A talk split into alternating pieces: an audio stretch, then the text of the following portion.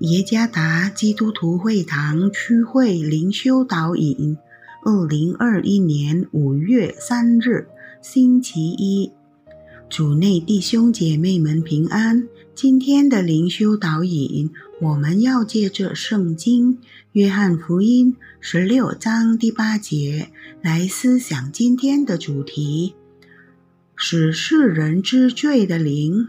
作者马波比牧师。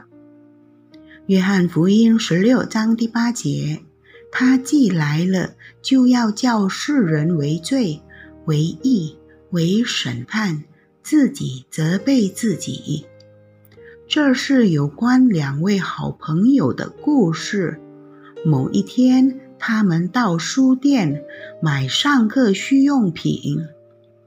到了书店，他们寻找所需要的用品，找到后。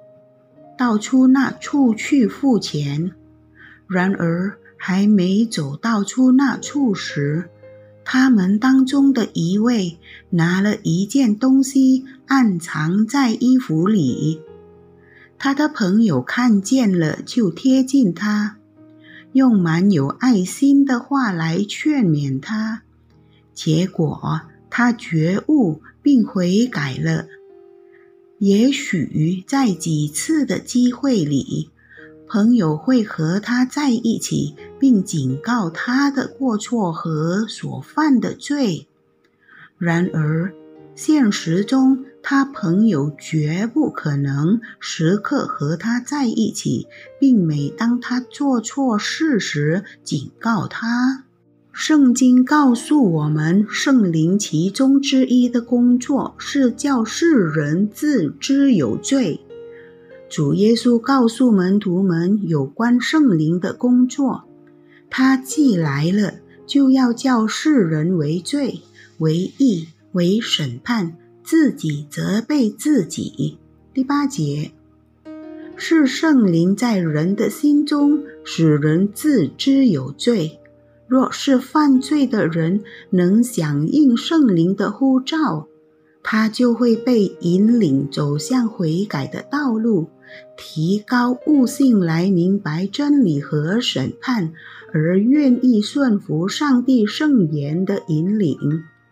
就像使徒保罗将自己完全交托于让他知罪之圣灵的带领下。使他看见了在生活中所犯的过错，而在上帝的面前认罪。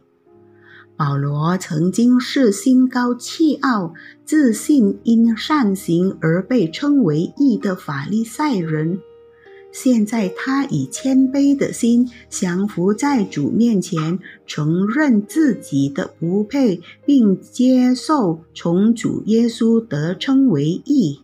感谢主耶稣升天了，且差派圣灵与我们同在。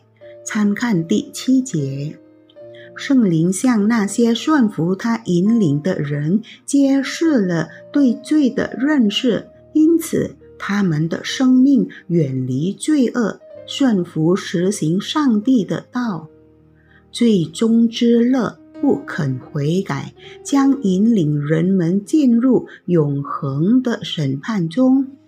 故此，让我们敬畏上帝，以及坚定顺服使我们知罪的圣灵，教导我们明白真理和审判，借此使我们的生命在上帝的真理中越发成长。活在圣灵的带领下，将使人醒悟他所犯的罪。主耶稣赐福。